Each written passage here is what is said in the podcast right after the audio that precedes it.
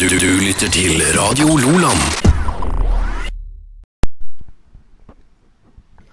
På en benk i Wergelandsparken sitter med denne ukas fredagsgjest. Nils Nilsen, mannen som vel eh, egentlig er like mye skriverier om som Julius på Sørlandet. Og det, klarer du å gå i fred på gata, du, eller? Ja, på godt og vondt så gjør jeg jo det. Altså, Vi bor i en veldig behagelig by.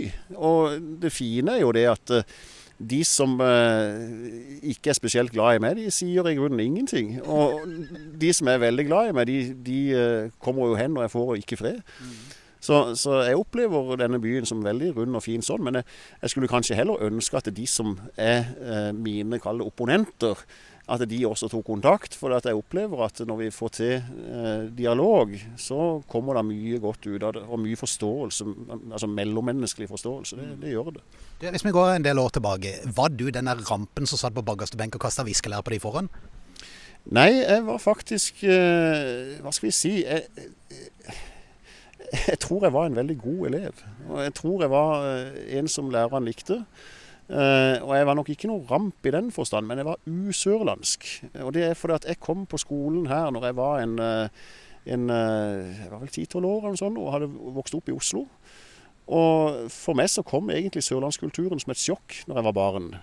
Og så eh, har jeg alltid hatt da eh, meninger som er basert på et kanskje et større mangfoldssamfunn enn det jeg kom til her i Kristiansand den gangen. Men det er jo 40 år siden. Men, men, hva var best, Oslo eller Kristiansand? Sånn som du husker det?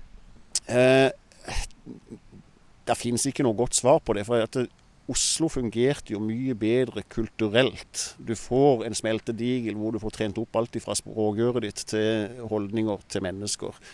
Men så kan du si at Oslo savner jo eh, nabokjerringa som følger med. Det trygge samfunnet. Det at noen passer på det. og at det, altså det er ikke så udelt dumt det der at vi har en litt sånn der gå bak ryggen på folk. Eh, Eh. For det begrenser folk også, men det må jo begrense positivt. Det må ikke være hemmende for det. Vi må ikke tilbake til det der pillespisende Sørlandet vi hadde på 70-tallet eller 80-tallet, hvor eh, folk var nervøse for sin mening, og hvor de fleste gikk i kirka for at naboen også skulle høre et sannhetsord. ikke sant? Så, så jeg hadde nok bare godt av å komme til Sørlandet.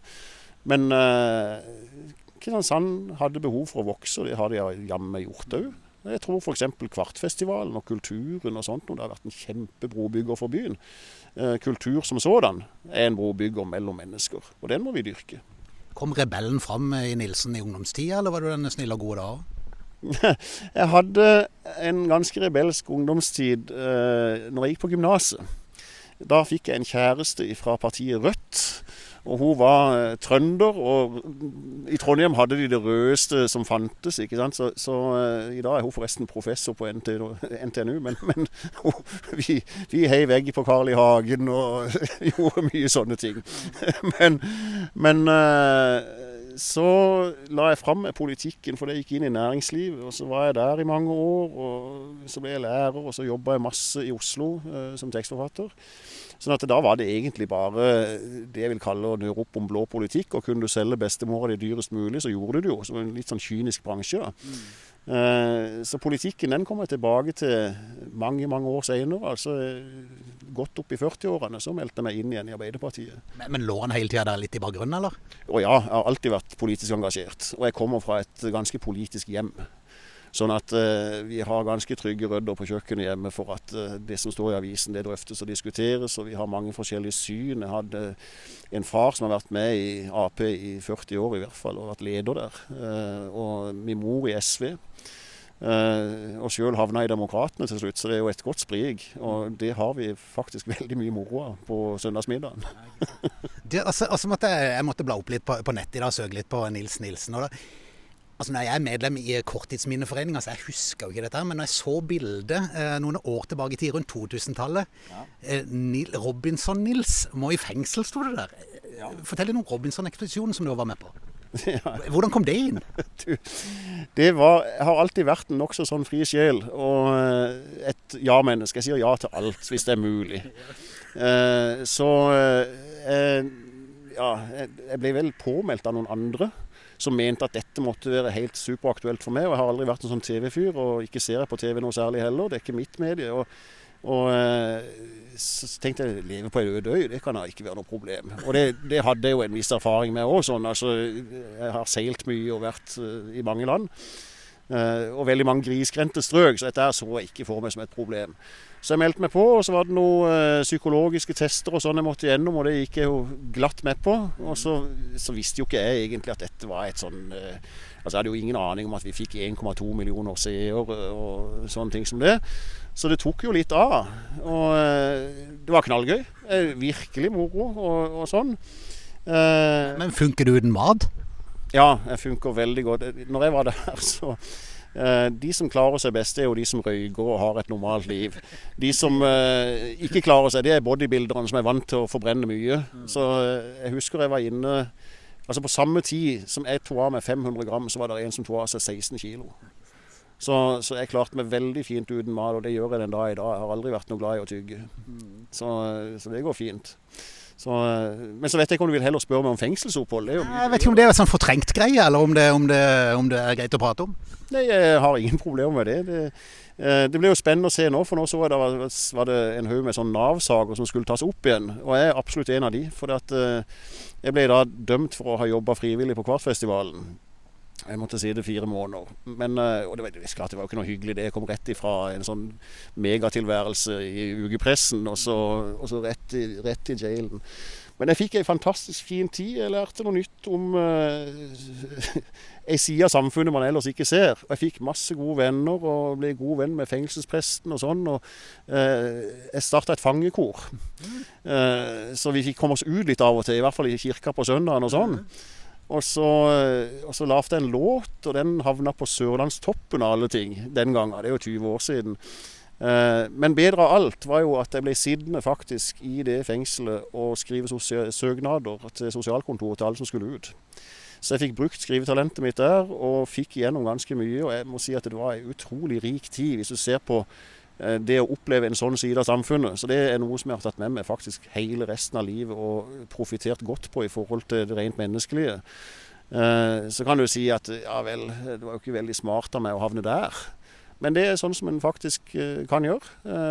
Og, og kanskje bedre enn alt, så er det noe med at kanskje trengte jeg det da.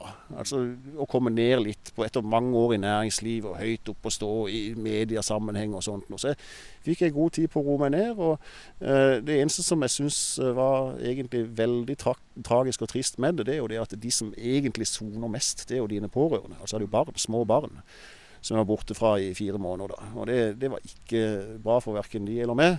Men så kan du si jeg var jo borte en stund også på Robinson. Så, så, så de kommer jo fra altså, sosialt trygge kår fordi de ikke er der. Eh, og det gjelder jo sånn sett eh, sikkert for meg sjøl òg. Jeg kommer jo fra veldig sosialt godt og trygge kår. Og det gjør jo at man tør å stå i stormer. Du, og Så kom politikerkarrieren tilbake igjen. Du sa jeg nevnte i 40-årene. Hva var grunnen til at du begynte den banen igjen? Du, det var rett og slett det at uh, det har jo alltid, alltid ligget der. Og så var det noe så rart som at uh, jeg reagerte noe voldsomt på hele den prosessen som var i forbindelse med at de skulle bygge denne her uh, torvparkeringskjelleren. Og det, det, var så enkelt å lese i avisen at her er det folk i doble roller med 100 hatter på. og det jeg vil kalle i hvert fall kameraderi. Og så begynte jeg å lese litt om det og sette meg litt inn i det. Og så begynte jeg å grave litt i prosessen. En veldig god graver. Så fant jeg noen dokumenter her og noen dokumenter der, og så, så konfronterte jeg egentlig først min far med det. Så, hva er dette her for noe? Sånn, og så viste jeg jo at Arbeiderpartiet var jo for dette her. Og litt sånn, så tenkte jeg dette her kan jo ikke stemme. Dette er ikke Arbeiderpartipolitikk. Og så meldte jeg meg inn. Uh, og etter hvert så endte det med at Arbeiderpartiets uh, altså medlemsmøte gikk jo hardt imot denne parkeringskjelleren. Jeg sto sjøl her på Torv og spilte gitar og agiterte mot. Uh, og så kom det til selve behandlinga i bystyret, den siste behandlinga, og da snudde de i siste liten og gikk for. Altså mot medlemmenes vilje. Og da tenkte jeg da blir det en stund til. så, så, så, da ble jeg i Arbeiderpartiet i fire-fem år eller et eller annet sånt. Og jeg husker hvor lenge det var. Og jeg hadde ingen planer om å melde meg ut heller. Men så kom jo dette med, med Sørlandsnyhetene, og så kom det liksom det begynte å bli så egentlig obvious at uh, her måtte du enten jobbe innenfra for å snu partiet, eller så må du gjøre noe annet. Og så begynte jeg altså å se på snudd, og på et tidspunkt så hadde jeg med meg veldig mange. Jeg fikk vel flertall i bl.a. havnesaken internt og sånt nå. Uh, men uh, etter hvert da, så, så, sa jeg først nei til nominasjon, og så gikk jo nominasjonsfristen ut. Og så var det ut i mai i 2019, så, 19, så ringte Vidar Kleppe.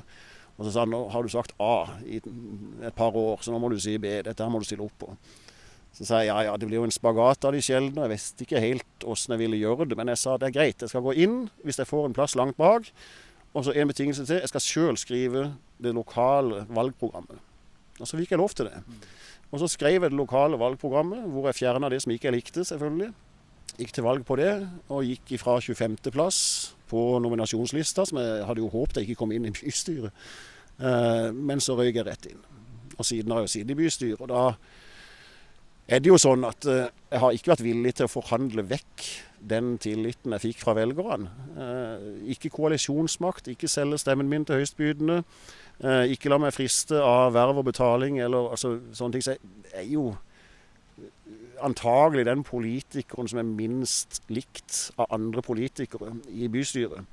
Og det lever jeg veldig godt med. Og så må jeg jo legge til at 90 av de som er mine bystyrekolleger, de prater jeg veldig godt med. Vi kan ta en kaffe på sida og drøfte hva vi er uenige om og enige om og, og, sånne ting. Men så er det jo den der harde kjernen som nok føler at valgtapet sitter hardt inne enda. Og de, de hilser ikke fullt så mye om i det hele tatt. Men kameraderi, er det, et, eh, er det noe som eh, er stort omfang i kommunen, sånn som du ser det? Ja, jeg mener det er et veldig stort omfang av det. Eh, og du kan si at korrupsjon er jo nevnt, da. Men altså, kameraderi, det mener jeg at det er en slags form for politikerdrevet korrupsjon. Altså Én ting er å ta en offentlig tjenestemann red-handed med pengene i kassa, hvor han får penger for å forvalte noe. altså Ren korrupsjon, sånn som vi kjenner det. Mafiavirksomhet, f.eks. Men når politikerne driver med det jeg kaller korrumpert politikk, da, så er det jo det at de, de, sitter i samme nettverk. De tildeler hverandre eh, roller. Disse rollene er veldig ofte forbundet med eh, verv som er betalt, altså penger. Og det er jo ganske utrolig at eh, hvis du skal ta da nettopp Mette Gundersen, så, så hun hadde jo en periode som hun lå på en inntekt på 1 490 000. Det er nesten på statsministernivå. Og det er klart, men, men er det ikke fortjent? Gjør ikke en så god jobb, da? Nei, dette handler ikke om å gjøre en god jobb. Det handler om også altså, Se til Stortinget. Alle tjener sånn stort sett likt. Rundt 960 000 i år eller noe sånt nå. Alle får et komitéverv i forhold til hva de er faglig interessert i, hva de har interesse for. Engasjement. Eh, gjerne dugnad òg, om du vil det. Uh, og dermed så er det ikke noe kniving på det økonomiske planet mellom de på Stortinget. De er stort sett venner etter å ha fillerista hverandre i, i stortingssalen. Uh, men i Kristiansand så ligger der en ekstremt stor kamp om de betalte vervene. Altså Spørsmålet er hvem skal ha råd til å være heltidspolitiker og bare sitte med dette, og hvem skal være det B-laget som kanskje ikke helt har faktisk råd til å drive med dette på heltid. Det blir eh, noen som driver på helgene og i ettermiddagen og sånn, og det, det, er klart det blir dårligere politikk av det. Og det jeg mener er jo at eh, hvis du hadde fått et uh, likefordelingsprinsipp i Kristiansand, der politikere tjener som stort sett likt, for vi gjør faktisk akkurat samme jobben alle sammen, så ville ikke kampen om vervene blitt så sterk. Den hadde heller blitt fordelt i forhold til hvem som har interesse, tid, eh, engasjement osv. Så, videre. så hvis alle fikk vervene sine ut fra det, så ville du fått en mye bedre politikk og et mye bredere demokrati. Mens nå får du en koalisjon, koalisjonsmakt hvor du har et, et A-lag som ligger på oppimot millionen i politikerlønn, mens den dårligste betalte politikeren i bystyret har jeg tror det var 28 000 i året. eller sånn men, men har ikke mange års erfaring da? Kan ikke det bare være en fordel? Eh, jo, hvis du sørger for ettervekst, så er det jo en kjempefordel. Men det er jo der jeg mener at svært mange feiler. For det at de setter seg sjøl på toppen, og så blir de der. De blir vant til de store inntektene. Istedenfor å dele dette ned til dagen. Og eh, En av de første tingene jeg gjorde demokrat når jeg kom over der, det var det at vi må ha innført en regel. For vi ble jo veldig store. Vi gikk jo fra to representanter til ti. Så en av de første tingene jeg sa når vi kom til, til samlinga etter valget, det var at eh, nå er det viktig at vi sørger for bli, at alle blir skolert, og at ingen får to verv før alle har fått ett. For alle må være med, og alle skal med. Og Hvis du har får bare én som sitter og haier til seg alle vervene på toppen, mens resten er sånn dugnadsgjeng, ja vel, så, så, får du ikke dette ut i laget. Og du får heller ikke kompetansen ut. For det er klart, gjennom vervene og verveutøvelse så, så får du også kompetanse. Men jeg må jo ærlig talt innrømme at jeg reagerer veldig på, på eh, hvordan vervene da blir fordelt. Hvis du tenker at eh, Jeg kan ta for min egen del. Jeg har ekstrem kompetanse på, på det maritime feltet. Uh, og jeg burde jo vært selvskreven til å sitte i havnestyret eller i fullriggeren Sørlandet eller et eller annet sånt noe. Men, men, det går altså til fordeling etter hvem som er lojale mot hvem.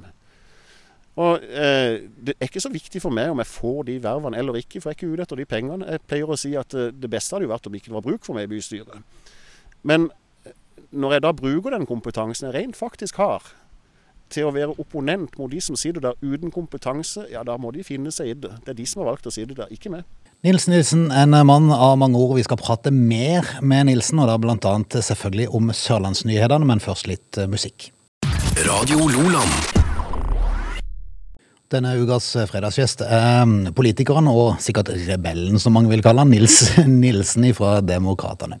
Eh, vi har prata mye om eh, Nilsens eh, oppvekst og liv, og inn i politikken, og så kom Sørlandsnyhetene. Og Nils Nilsen, hva var grunnen til at ikke det på et litt tidlig tidspunkt kunne fortelles hvem som da sto bak Sørlandsnyhetene? Det er et veldig godt spørsmål. For det, det finnes ikke eh, noe annet svar enn det vi ikke liker, nemlig at folk ikke tør.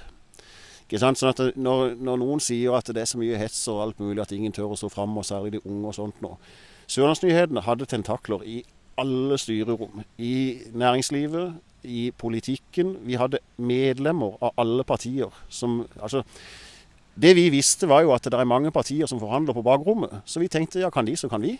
Så vi satt jo og lakk informasjon fra gruppemøtene til de enkelte. Så vi visste jo når Høyre og Ap og KrF og sånn hadde snakka sammen. Vi hadde til og med dokumenter på det. Og vi visste hva vi skulle be om innsyn i. Vi hadde all intern kommunikasjon.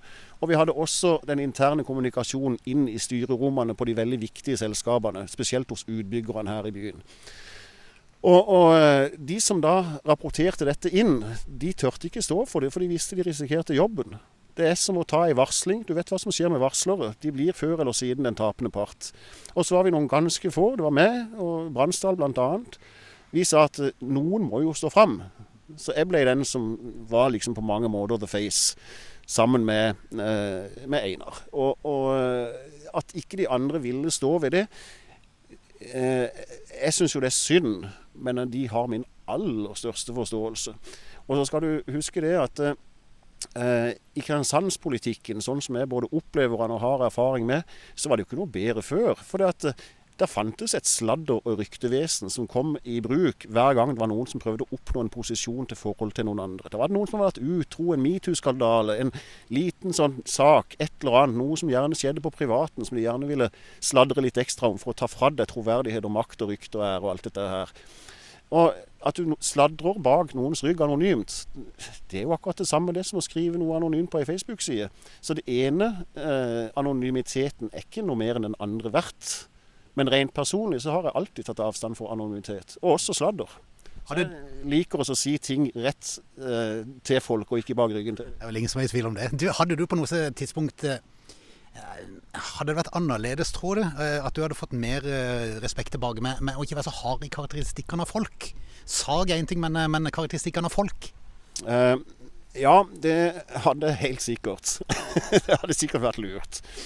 Men så er det sånn at vi har bare én monopolavis i Kristiansand. Og de slipper oss ikke til. Du ser de Men det går jo an å likevel skrive uten å være så knallhard med å omtale folk. Kalle ordføreren evneveik, annet. Ja, men eh, jeg syns jo at ordføreren opptrådte svært evneveikt når han eh, begynte på den måten som han gjorde nå. Så modererte jeg litt, så skrev jeg istedenfor evneveikt, så skrev jeg lite evnerikt. Og det handler om hans lederegenskaper i bystyret. Og det må han tørre å si, syns jeg. Men det er klart, jeg mener jo ikke altså, Husk det at eh, jeg sender SMS-er til Jan Oddvar privat. Vi har private dialoger, og vi kjenner hverandre fra før. Har du drukket kaffe med han? Ja, mange ganger. Til og med under fire øyne. Og midt i valgkampen gjorde vi det. Da hadde vi en kaffe på UiA sammen før han ble ordfører. Og, og for så vidt etter. Og, og under konstitueringa så hadde vi masse SMS-er fram og tilbake om hvordan jeg kunne hjelpe han.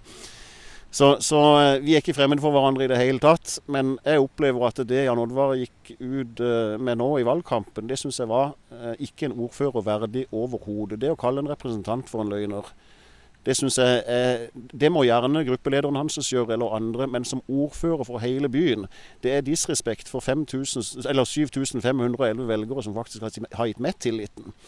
Og, og, eh, Det skal han være forsiktig med. altså, for Han kan gjerne gjøre det som enten privatperson eller representant, men vil han være ordfører, ja, så får han oppføre seg som en ordfører. Men, men tror du ikke da du hadde fått mer respekt hvis du hadde egentlig bare latt, latt være å ta igjen, på en måte?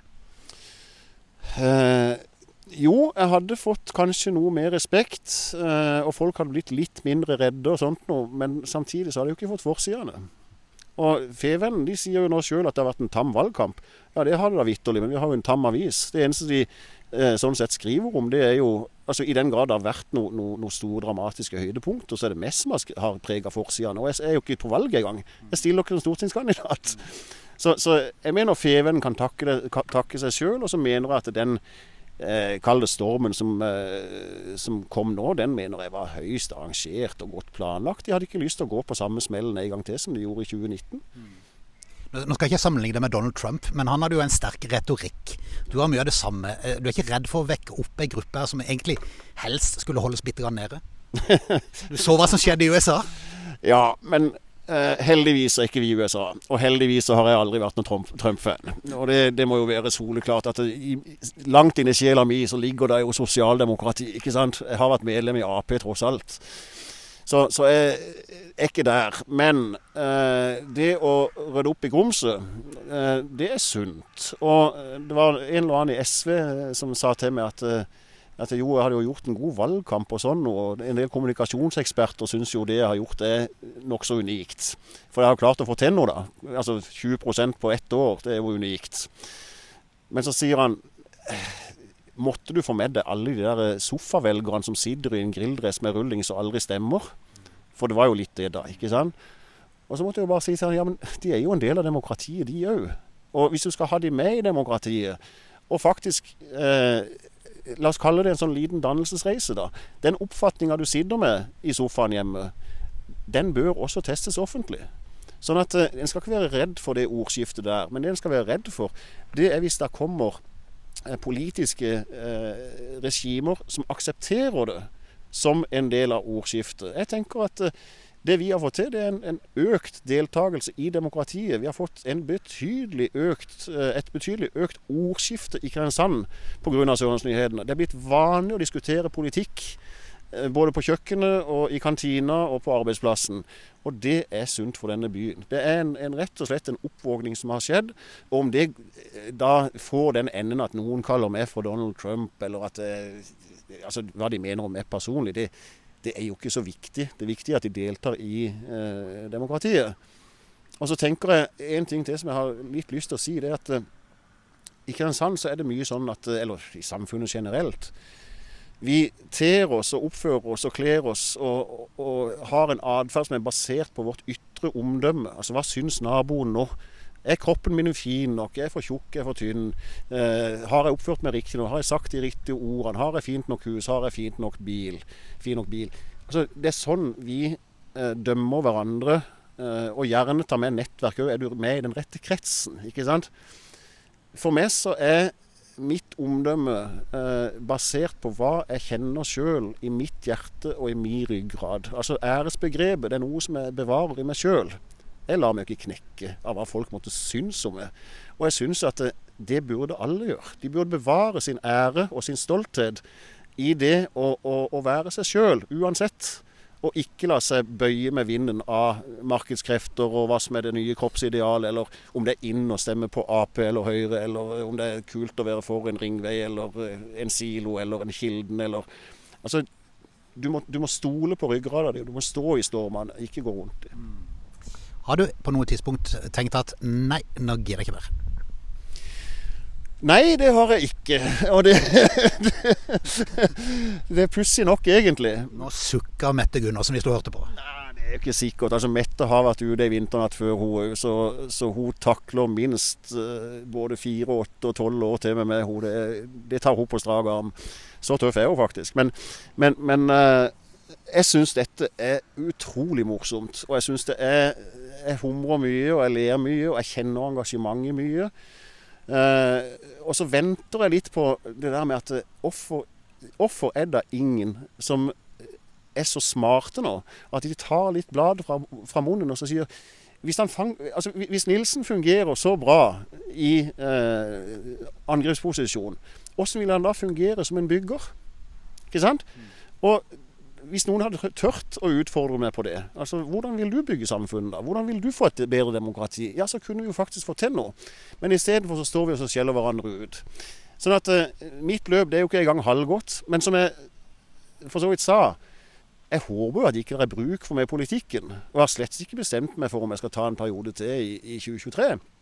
Det kan godt hende jeg kommer dit hen at nei, nå har jeg ja, rydda godt nok opp i grums, og noen forandringer har skjedd og sånne ting, og så vil jeg kanskje videre på noe annet. Og eh, Det kan være andre ting òg, som altså, livssituasjon, og jeg håper jeg blir bestefar snart, f.eks. Jeg har voksne barn. Eh, så, så, det kan jo hende at jeg vil føle det mer verdifullt enn politikk på et eller annet tidspunkt, eller at jeg vil på kjæresteferie med kona rundt jorda. Det kan jo også skje. Så, så, men foreløpig så stortrives jeg. Sørlandsnyhetene var vekke noen dager etterpå et visst oppvaskmøte i Demokratene, men eh, er tilbake igjen nå. Eh, skriver du fortsatt, eller? Nei, det gjør jeg ikke. Sikker? Helt sikker.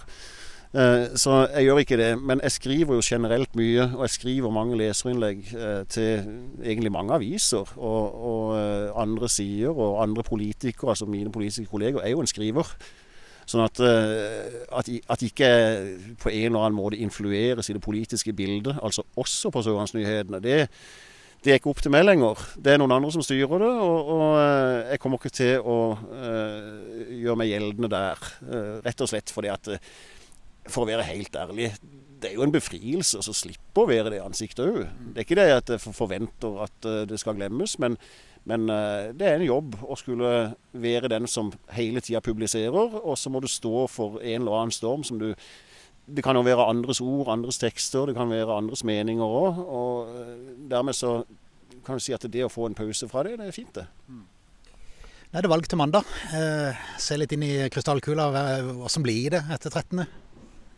Jeg er veldig spent.